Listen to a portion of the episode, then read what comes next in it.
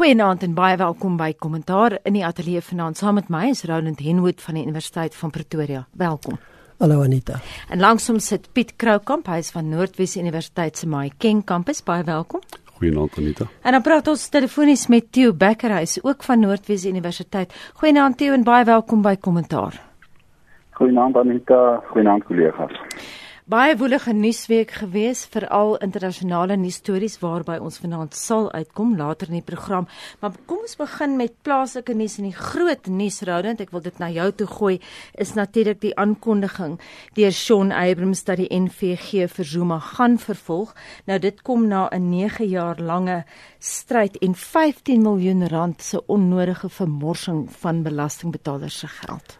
Ja ehm um Ek dink die aankondiging was op die ount eintlik bietjie van 'n antiklimaks want almal het geweet dit is die aankondiging. Daar was nie 'n kans dat hy iets anders kon doen nie. Wat hy doen is hy tree op in terme van 'n regsbevel wat al verlede jaar uitgereik is dat die terugtrek van die aanklagte was irrasioneel en was nie aanvaarbaar nie en hy moes die saak weer op die tafel plaas.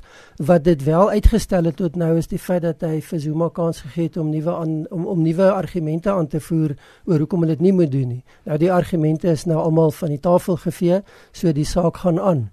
Ek dink die belangrike ding is nie dat die saak heringestel word nie maar die hoe dit gaan gebeur, wanneer dit gaan gebeur en dan natuurlik baie belangrik die reaksie van Zuma se regspan oor hoe hulle hierdie saak gaan benader. Hulle moet hof toe gaan, maar ek dink nie dit gaan 'n kwessie wees van kom ons gaan hof toe en kyk hoe gou kan ons dit afhandel nie. Dit is nie die styl van Zuma nie. Maar ons weet tog nou Roland sê hy's glad nie verbaas oor die aankondiging nie. Hy kon net een ding sê, maar ons weet ook hy was 'n voormalige lakai van Zuma. Ja, dit is so maar ek ek dink net om gou gewete verwys na wat uh, Shaun Abrams gedoen en dit is moet onthou hy het net gesê ons trek nie die saak terug nie of daar's geen veranderinge in die in die kondisies van die van die saak soos wat dit in aanloop weer die hofproses uh, uitgeklaar is nie. Maar 'n belangrike vraag is oor hoekom Abrams so uh, aangedring het dat hy die aankondiging wil maak. Nou hy kon dit baie maklik maak omdat daar geen verandering was nie. Reg tegnies het daar was daar geen verandering in die saak nie. Hy het net gesê ons gaan voort soos normaal. Mm. Indien hy moes besluit het of hy Zuma wil aankla of nie, was dit natuurlik 'n heeltemal ander ding want hy is reeds gekompromiteer op verskeie wyse wat jy nou gesê het en dan natuurlik ook die hofuitspraak wat gesê het dat hy gekompromiteer is en dat uh, die toe uh, Ramaphosa nog die adjunkt president was, hy inderdaad 'n uh, nuwe hoof van die NDP moet aanwys. Maar dan dan sou hy waarskynlik nie die aankondiging kon gemaak het nie en hy het dit op die oomblik weer geforseer wel die aankondiging gemaak gegee oor die feit dat daar eintlik niks aan die saak verander het. En nou ons weet reeds dat 'n nuwe regeringsorganisasie het in die Weskaap aansoek gedoen om sy besluit tersyde te stel, maar uh, as ek vir Pierre de Vos reg verstaan, het die nuwe regeringsorganisasie geen direkte belang by die saak nie en hy kan hy waarskynlik nie so aansoek bring nie. So dit sal van die tafel gevee word. Dan het Hallie soos ek dink uh, julle ook reg reg gesê het hy aangekondig dat hulle waarskynlik die besluit op eh, 'n uh, review gaan neem. Nou uh, ook daaroor het die Vos gesê hy kan nie eintlik Shaun Abrams se se se se se se se aankondiging op review neem nie want dit is deur 'n hof is daardie uitspraak gemaak. So ek dink dit daar gaan nog 'n bietjie bureaukratiese politieke heen en weer dat hy wees maar uiteindelik sal ons vir Zuma in die hof sien dink ek dan seker voor die einde van die jaar. Ja, 'n belangrike punt miskien net die die die die saak wat Zuma dalk hier blootstel is sy eie regspan het hulle aansoek teruggetrek in die hof en gesê hulle staan nie meer te dat die saak heringestel word nie want dit was 'n irrasionele besluit. En om nou terug te gaan te sê ons gaan die aankondiging wil ons op hersiening neem, dink ek nie gaan hulle ver bring nie. Hulle sal 'n ander strategie moet ontwikkel. Theo, dink jy gaan die hele saak uitspeel? Ja, ek stem met met Piet saam. Ek dink hierdie is 'n ehm dis 'n saak wat wat net eenvoudig moet voortgaan wat so natuurlik mense in gedagte moet hou het Sean Abrams het die het die vermoë om baie te sê en baie te praat en eintlik niks te te te, te sê nie. Hy uh kan mense nogal verwarm dat hy probeer aan jou verduidelik. Ek dink nie dit gaan net so maklik wees dat dit 'n saak is of sake wat wat wat ingedien gaan word en wat verhoor gaan word en dat ons 'n spoedige uitkoms gaan hê ek dink hierdie uh saak en hele die uh, aanklagte teen Zuma gaan gaan baie meer kompleks nog word en ons gaan ons alreeds gesien dat die vroue liga, die jeugliga en ook die veterane het aangedui dat hulle vir uh, Zuma of die gedeelte in daardie drie uh, groeperinge gaan te Zuma onder uh, ondersteuning gee. En 'n mens kan verwag dat dit 'n mobilisering gaan wees vanaf die die Zuma kant se ondersteuners. Aan die ander kant dink ek is dit 'n goeie ding vir uh, Ramaphosa in die sin dat hy ehm um, versterk sy posisie binne die ANC, maar dat dit 'n baie moeilike situasie gaan wees. Dit moet mense aanvaar want uh, baie van die Zuma ondersteuners sit nog in leierskapsposisies en mense moet kyk wat hulle gaan doen.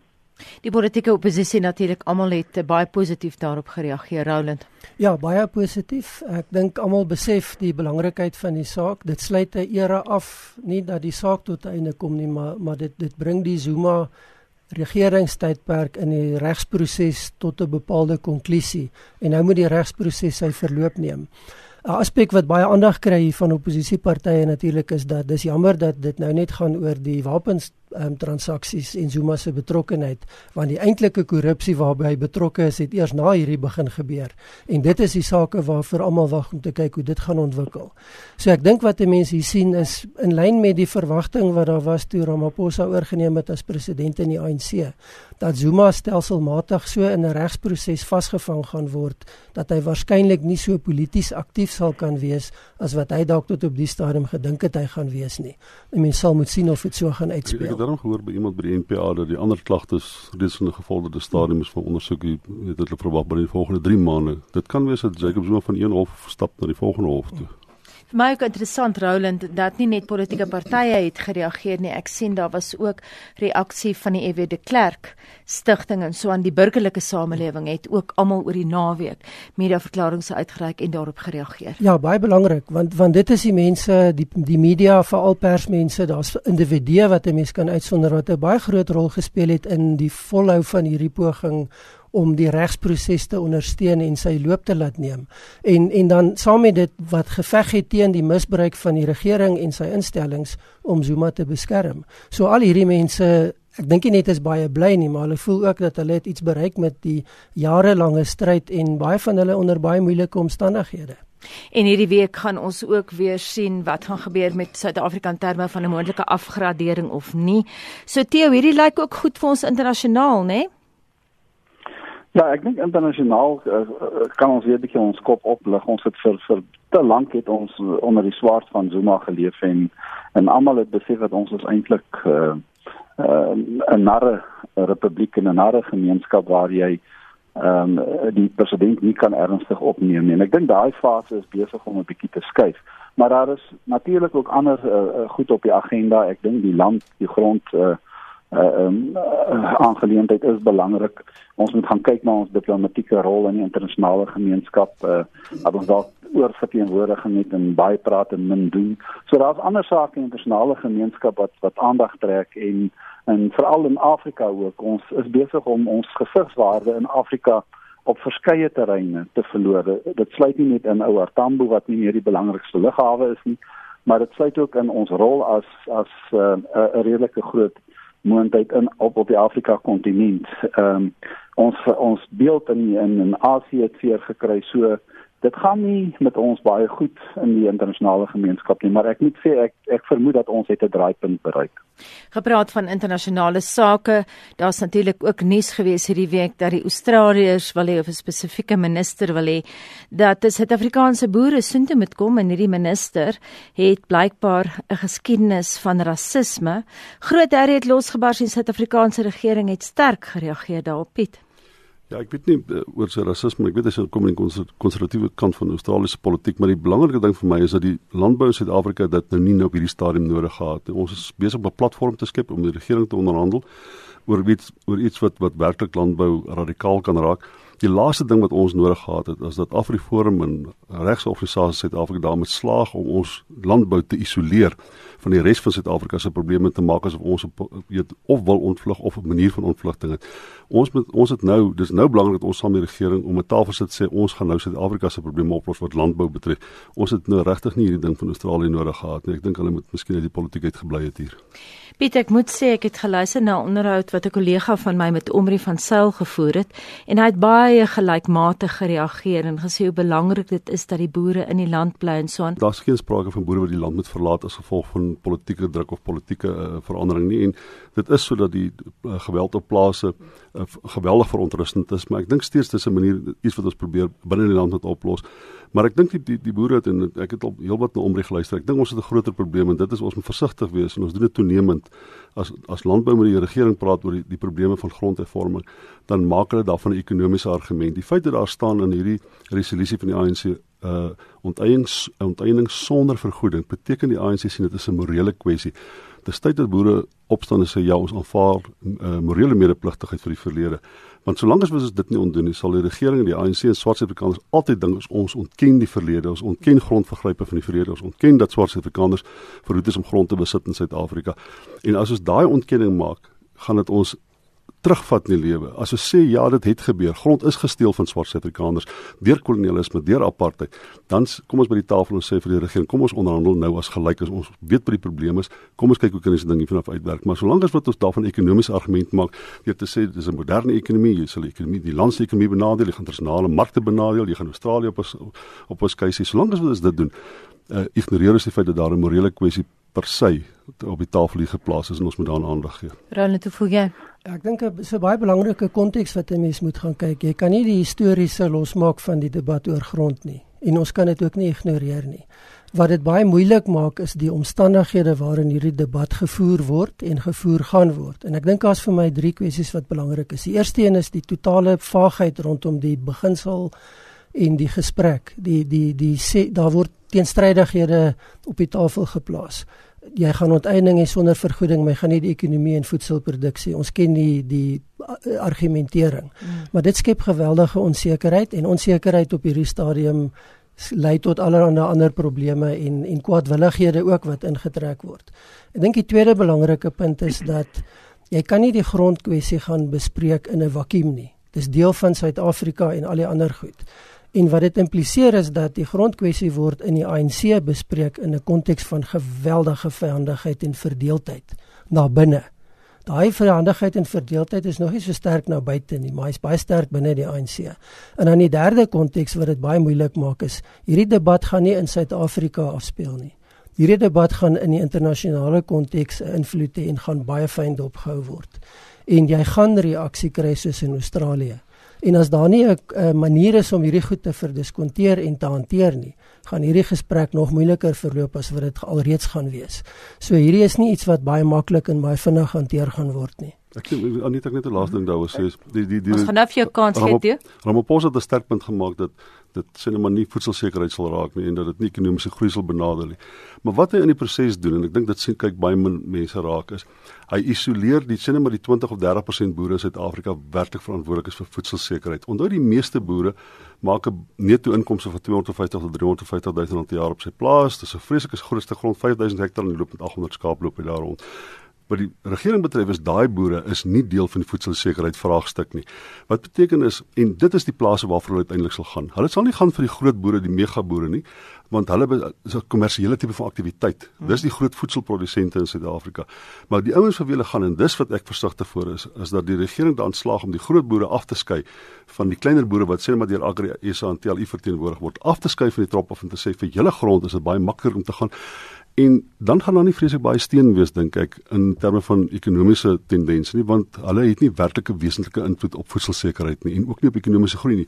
Dis die werklike groot boere wat baie mense in diens, die werklike groot boere wat geweldig hoë uitvoere het uit Suid-Afrika uit. Uh, en ek ek ek is ek ek dink daai argument van ons gaan nie voedselsekerheid raak nie en ons gaan nie die ekonomie skaad nie.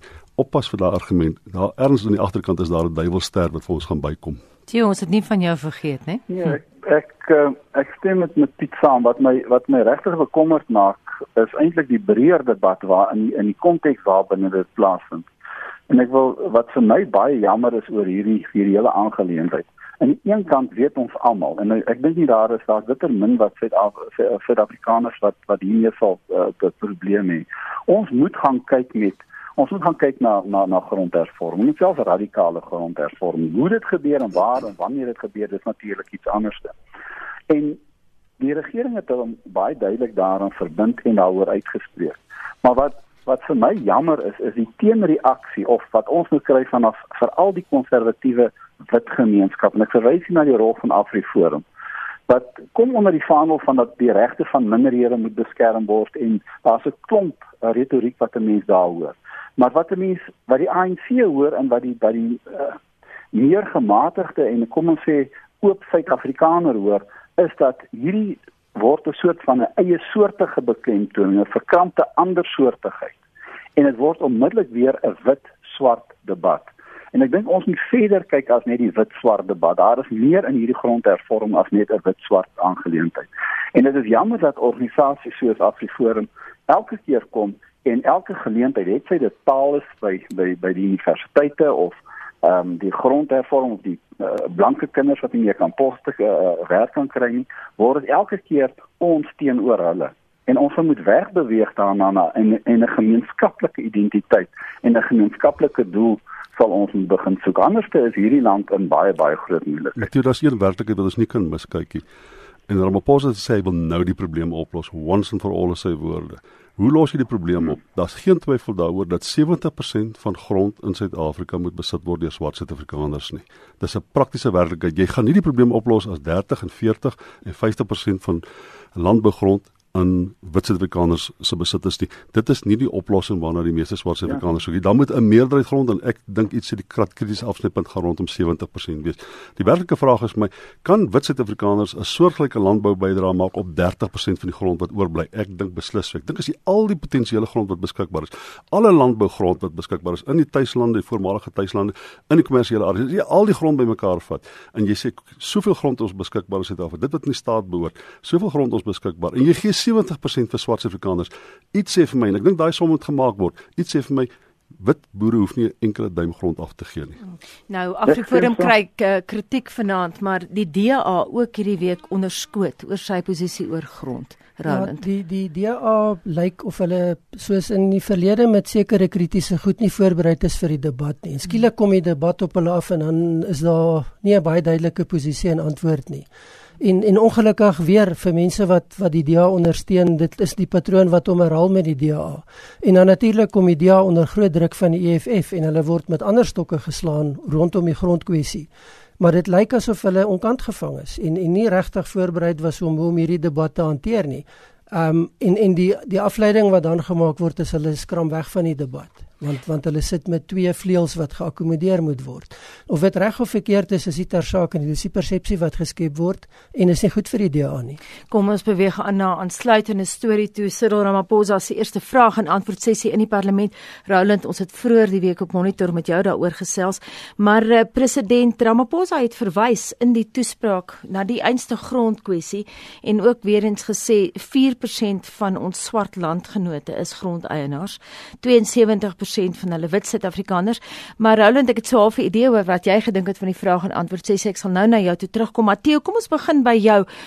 Hoe het jy sy eerste vraag en antwoord sessie gelees? Wat het vir jou uitgestaan? Maar ek dink die die die belangrike uh, wat vir my veral van van Ramaphosa uitgestaan was die feit dat hy 'n totaal ander styl het as wat byvoorbeeld Zuma het en, en dit dis heeltemal 'n uh, 'n nuwe tipe van benadering wat ons in die politiek kry. Hy is bereid om die vrae te te antwoord, hy is bereid om om om uh, op die meeste van die goed reguit antwoorde te gee.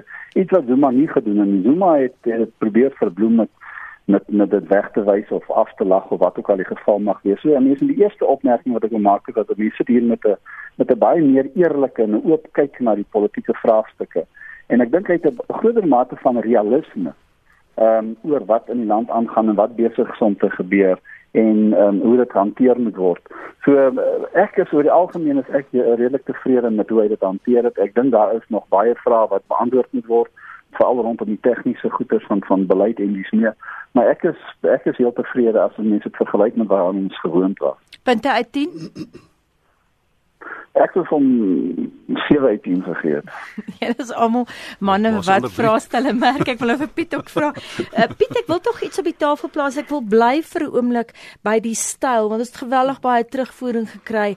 Ons het 'n SMS vraag ook oor hierdie saak gehad die afgelope week op Monitor en een van ons luisteraars het gesê Steven Philip van die kerk, wat 'n verandering al nadeel is dat die stand-up komedie baie afgeneem het in kwaliteit en baie mense het nogal daarna verwys. Jy weet skielik is daar 'n ander gevoel, 'n soort van 'n gravitas in die parlement. Ja, ek mens moet ook onthou dat 'n groot deel van die probleme in die verlede het gekom van die EFF af en daar is 'n ander vraagstuk wat by my rondhang en ek dink baie Suid-Afrikaners is wat is die werklike verhouding tussen die EFF en die ANC? Want sedert sy aanstelling het Ramaphosa baie duidelike geflirt. Mm. Wat wat is hy mooi Afrikaanse woord vir geflankeer? Geflankeer met met die EFF uh, uh in veral Julius Malema en, en nou uiteindelik dink ek word Ramaphosa daarvoor vergoed deur dit vir Ethel Trollop in op 'n uiters rassistiese manier gaan verwyder in in Port Elizabeth. So selfs met hierdie vraag en antwoord sessie die vraag vir my gedraal, wat is die verhouding tussen die EFF en die ANC?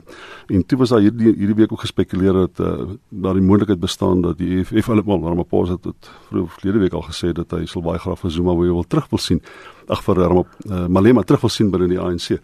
Ek kan net vir jou sê en ek dink Ramaphosa moet dit weet want dit kom uit die David Mabuza kamp uit. As daar aan die einde van sy eerste 5 jaar termyn 'n verkiesing is van uh ANC leierskap en Julius Malema is binne die ANC, is Julius Malema en David Mabuza jou volgende leiers in hierdie land. Ramaphosa sal nie oorleef teen Julius Malema nie. Minstens 70% dink ek, my blaas ek oor my duim van die ANC se caucus en waarskynlik 60% 70% van die NEC van NEK van die ANC is bewonderaars van Julius Malema. Hulle hou van wat hy doen. Hulle is nie noodwendig altyd eens met sy partybeleid nie, maar hulle hou van wat hy doen. Hy's 'n baie populistiese, populêre leier binne die ANC. Ek kan vir jou klomp name opnoem van mense, van Mbalula, klomp mense van die ANC-lede wat eintlik in later selfs hier in ons uh, eie provinsie MEC van van onderwys is 'n sterk baie naby aan Julius Malema. As daar môre verkiesing moet wees binne die ANC, oor die leierskap van Julius Malema en Ramaphosa, dan wen Julius Malema loshande. Met ander woorde, hy moet nie terug gaan ANC toe nie. Dit is die worst case scenario wat ons kan sê. Terug gaan ANC toe is daar 'n werklike kans dat Ramaphosa net 'n 5 jaar termyn het. Om die waarheid te sê, ek vermoed die minstens 70% van die ANC se lede in die caucus kan maklik oorstap EFF toe. As dit oor grond kan 90% van hulle oorstap EFF toe. Hm, Roland Ja, ek dink dis 'n dinamika wat ons nog baie fyn sal moet dophou want daar's 'n baie duidelike ernstige kommunikasie agter die skerms aan die gang. En dan dis nie 'n nuwe ding nie. Ehm um, as ons terugdink na die gebeure rondom die begrafnis van Kathrada byvoorbeeld, het Galema Motlanthe baie sterk uitgekom oor sy verbintenis met die EFF en dat hulle hoort binne die ANC. Nou ek dink binne die ANC is daar twee gedagtes. Die een is 'n groep mense wat dink hulle kan daai steen terugkry wat hulle verloor het. Dit gaan hulle nogal redelik handig te pas kom in die volgende verkiesing. En dan is daar saam met dit die idee dat hulle dan beheer kry oor die EFF se leierskap en dit wat hulle sê. En daar dink ek mis mense die punt. Ek dink nie Malema is nou op die punt waar hy meer gaan laat beheer deur lede in die ANC nie.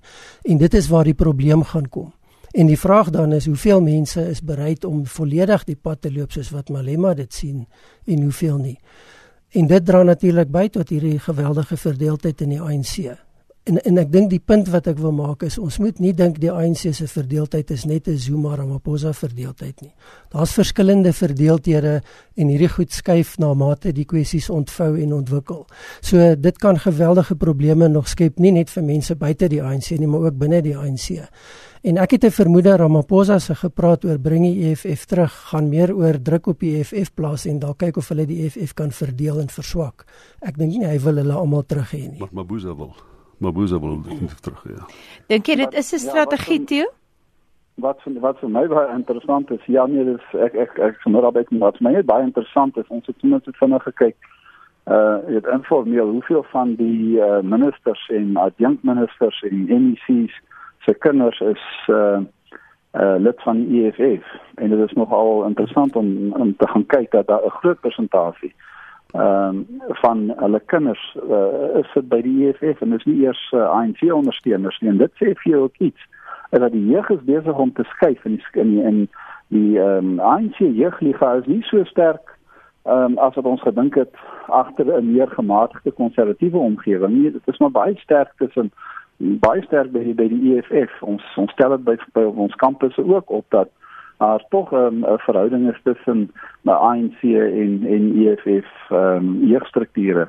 Uh maar vir kennis dalk 'n bietjie van 'n uitsondering, maar ons moet daar definitief daarna gaan kyk. Ek dink daar is 'n uh, 'n dinamika besig om plaas te vind wat wat oor generasies loop en die ouer garde is besig om hulle geïsoleer te vind en so ehm uh, die Zuma Ramaphosa was maar 'n tydelike een geweest. Waar baie meer grondige en diepliggende verdeling wat plaasvind wat op ideologie ook gebaseer is wat op op hoop en toekoms gebaseer is en op hierdie stadium beloof die EFF ehm um, jou swart middelklas en gemeenskappe die jeug uh, die son en maan en um, hulle kry om die ondersteuning Ons het ongelukkig dat die deelname aan verkiesings baie laag is. Dat mm. maar 35% dink in die laaste verkiesing het met deelgeneem so. Roland, as jy 'n adviseur was van Cyril Ramaphosa, wat sou jy vir hom gesê het in terme van Malema?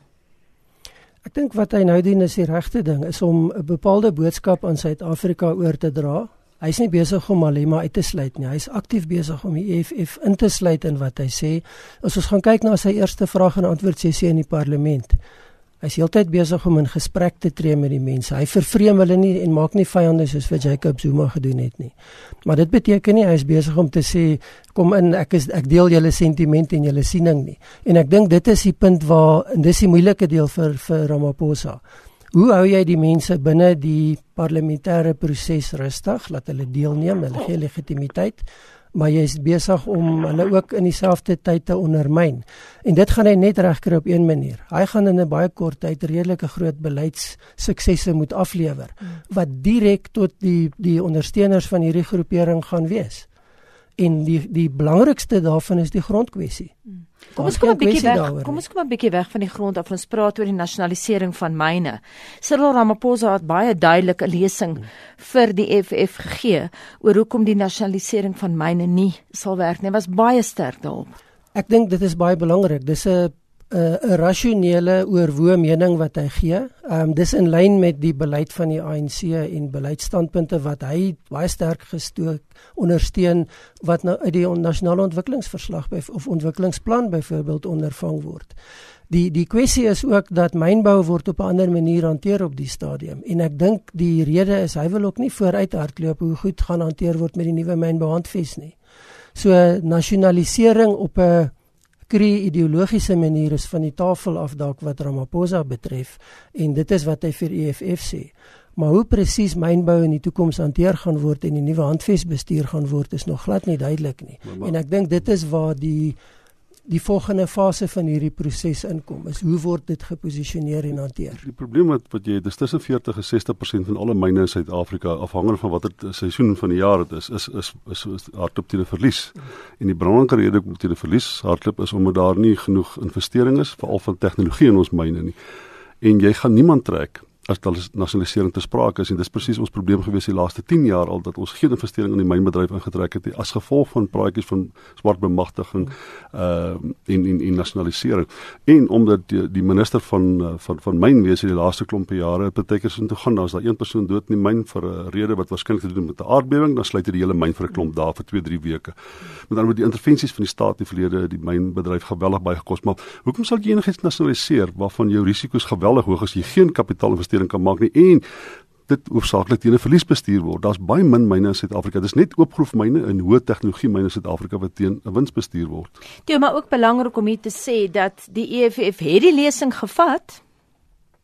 Hulle het geluister. Ek, ek ja, nee, ek dink so. Ek ek dink die uh, dit is dit definitief so, maar mense het 'n gedagte wat wat Piet sê rondom om uh, bankrot boetel. Uh hoe sterker die rand is, hoe slegter gaan dit met die myne, ehm um, veral met goud. En uh, dit skep natuurlik 'n groot probleem want die die effek daarvan is dat ehm um, as 'n mens nou die die mynbedryf wil, wil oorneem, wil nasionaliseer, dan sal jy ook moet gaan kyk na hoe jy die mynbedryf ehm um, kan herpo, uh, herposisioneer vir die toekoms. En eh uh, uh, Pieters reg, mens kan nie meer diep onder die grond ingaan nie. Dit is net eenvoudig koste-effektief ehm um, te duur en ehm um, niemand wil regtig hierdie hierdie myne ehm um, hê nie, veral as dit ook gaan rondom 'n myn wat 'n wat 'n leeftyd het nog van 15 jaar of selfs minder. En as rehabilitasie ter sprake. Daar is uh, uh, al allerhande ander verskeidelde koste tegnologie tegnologiese ontwikkeling wat moet plaasvind en dis meer. Ons het uh, vanaf een van die uh, leidende lande in die staat in die wêreld geword uh, na een van die wat wat, wat agter aan die agterspeen suig. Uh, ons mynbedryf is 'n haglike ehm um, uh, uh, situasie. Ek wil sover gaan dat uh, daar is was op tot op hierdie stadium nog nie een sukses uh, sukses suksesvolle mynnsluiting gewees nie. En al hierdie goed moet aangespreek word. Dit het omgewingsimpak, dit het 'n arbeidsimpak en ehm um, ek dink nie jy weet dit, as jy regtig wil jou geld gaan verloor om hier by die myne uh, betrokke raak. Dit skep baie werk, dit het die potensiaal om anders bestuur te word maar dit gaan baie lank vat. Dit is nie ding wat jy binne 2, 3, 4, 5 jaar doen nie. Roland, maar hoe spreek jy hierdie probleme aan? En ek dink die belangrike ding is om te besef dat mynbou is 'n hoogs kompeterende omgewing deesdae en Suid-Afrikaanse mynmaatskappye is nie meer aktief in Suid-Afrika nie. Hulle is oral in die wêreld aktief. So daar's baie meer geleenthede, daar's baie meer ehm um, geleenthede wat baie makliker is om te ontgin as in Suid-Afrika. En dis die eenvoudig die gevolg. So hoe jy dit aanspreek is met beleidsekerheid en die regte ondersteunende konteks wat jy skep vir mynhuise om te funksioneer eerder as om voorskrifklik te wees kortsigtig te wees en dan baie belangrik, jy kan nie myne bestuur in belang van 'n bepaalde party of familie of groepering nie dit is waar die wiele gaan afkom. Kyk, die belangrike ding is net dat ons van ons totale uitvoere 46%, baie keer selfs op baie maande soveel as 60% van ons totale uitvoere kom van die mynbedrywe. Daar's 'n pynlike werklikheid wat ons in die oë moet kyk, net soos wat ons met landbou is in die oë moet kyk. En dit is ons moet ontslaa raak van soveel as moontlik mense, soveel as moontlik tegnologie invoer. Ons moet soveel as moontlik kompeterend raak in die wêreld en ons moet ons uitvoere optel teen laer koste en ons moet baie meer geld maak uit die buiteland uit wat ons dan terugbring Suid-Afrika toe en herbelê in die mynbedryf. Jy hoef nie noodwendig vreeslik baie werksgeleenthede op jou met op te gee as jy dit op daai manier doen nie, maar die aanvang daarvan sal wees is jy moet aanvaar jy moet mense aflaai. Jy moet aanvaar jy moet tegnologie kry om die werk te doen. Ons kan nie kompeteer met die res van die wêreld waar tegnologie die manier is hoe produktiwiteit verhoog word nie. Gepraat van die res van die wêreld, kom ons beweeg aan na internasionale nuusgebeure. Dit was 'n baie woelige week soos wat ek aan die begin gesê het. Kom ons begin by die Russe en die spanning tussen Londen en Moskou. Daar was laas tydens die Koue Oorlog soveel spanning tussen die twee hoofstede en ek sien nou Theo dat ehm um, Sergey Lavrov het gesê wel hulle gaan eenvoudig die Britse konsulaat in Sint Petersburg toemaak. Hy het ook gesê hulle gaan reageer op die uitskop van die 23 Russiese diplomate dis nou nuus wat terugstrek na Woensdag toe maar hy het gesê binne 'n week gaan daar nog reaksie van hulle kom dis nou die Russe Ja, ek dink in, in, in, in baie kort opgesom, as jy mens kyk na die Russiese reaksie dan uh, is daar twee belangrike aspekte. Die een is dat die Russe is, is regtig kwaad en hulle reageer hierso baie baie emosioneel. Ehm um, ek vermoed dat die die uh, dit gaan nie daar stop nie. Ek het uh, die afgelope week het ek met van uh, van ons my ons Russiese vriende gesels en die die die boodskap is baie duidelik. Ehm um, die Britte het hier ehm, 'n um, standpunt ingeneem. Ek praat nou vanuit 'n Russiese perspektief. Die standpunt hier ingeneem en hulle het gereageer en hulle het hulle nie eers ge, hulle het nie gewag vir die feite nie. Die, die argument is en hulle bly daarby dat die Russiese regering nie daarby ehm um, uh, nie daarby betrek kan word nie en dat hulle eintlik ehm um, uh, onskuldig is en dat dit eintlik iets is wat binne in Brittanje self gebeur het. Hulle argumenteer ook self dat die laboratorium waar hierdie ehm um, uh, gestof vervaardig is, maar 12 km van Salisbury af is en dit sê met ander woorde dat dit eintlik uit daai omgewing uitkom.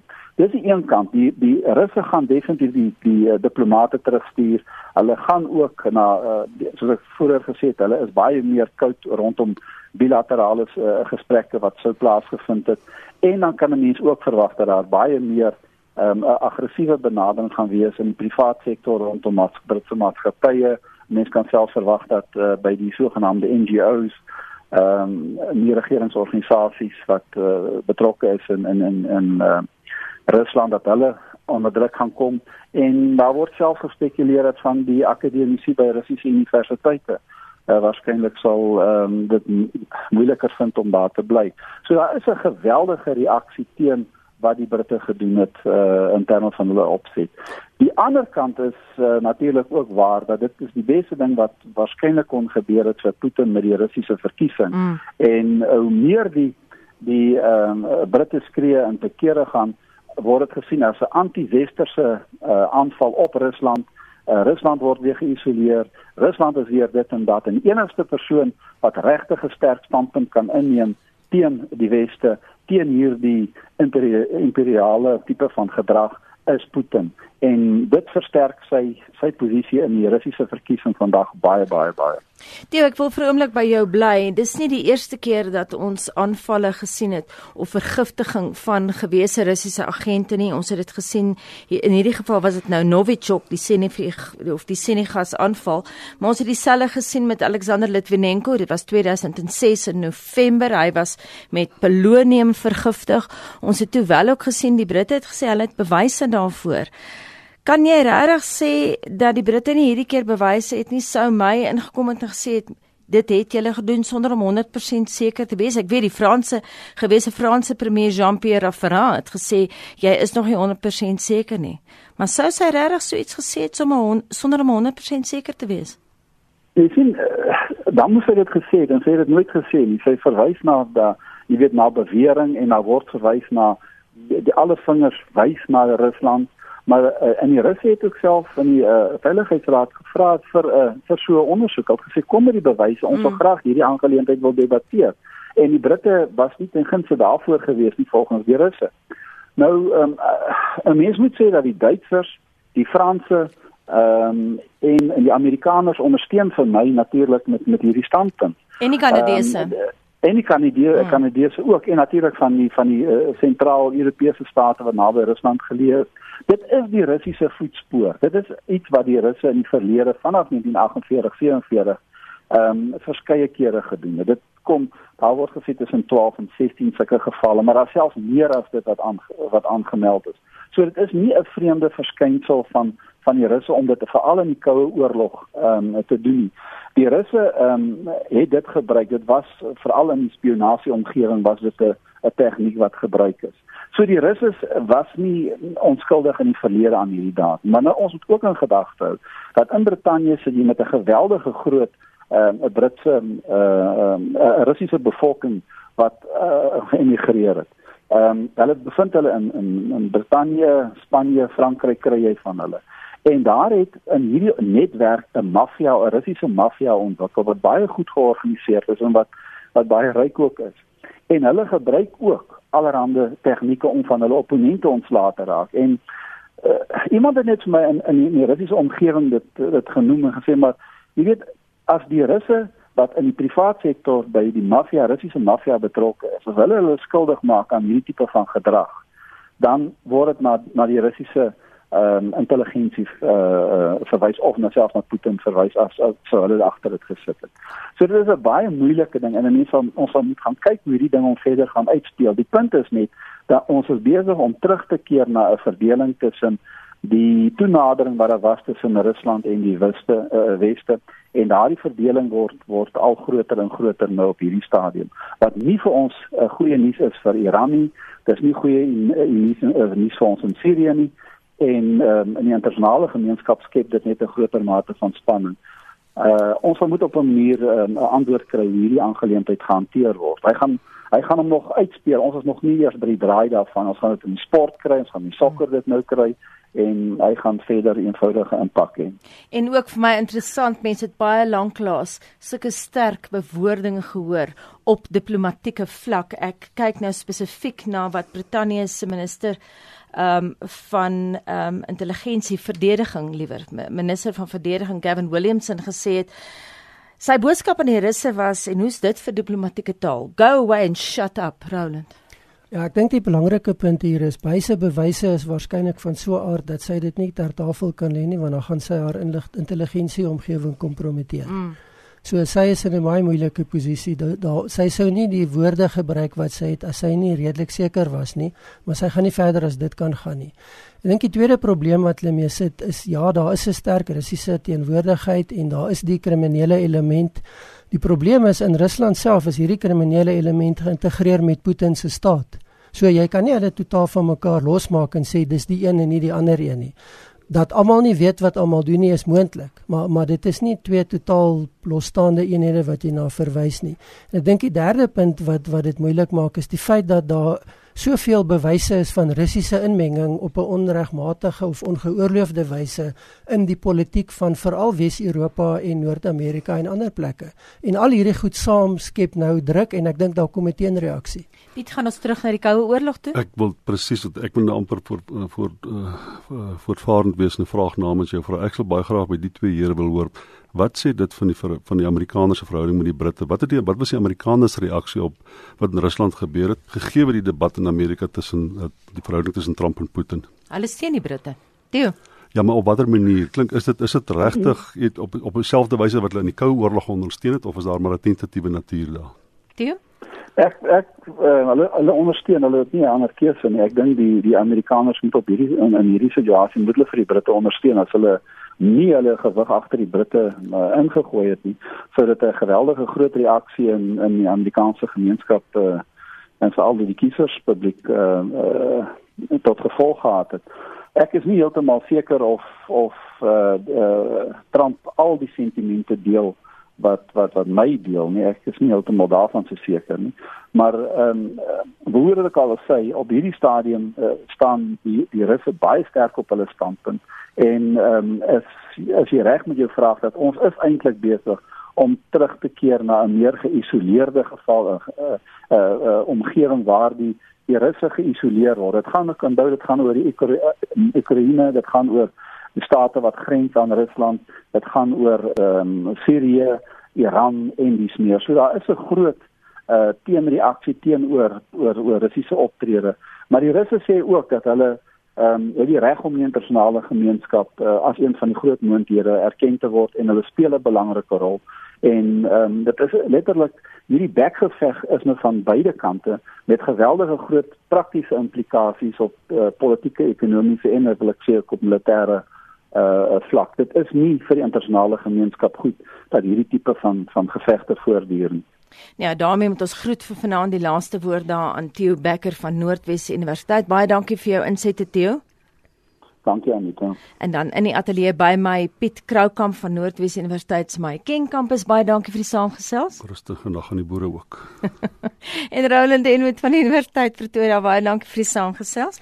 My naam is Anita Visser en ons produksieregisseur is Mark Preller.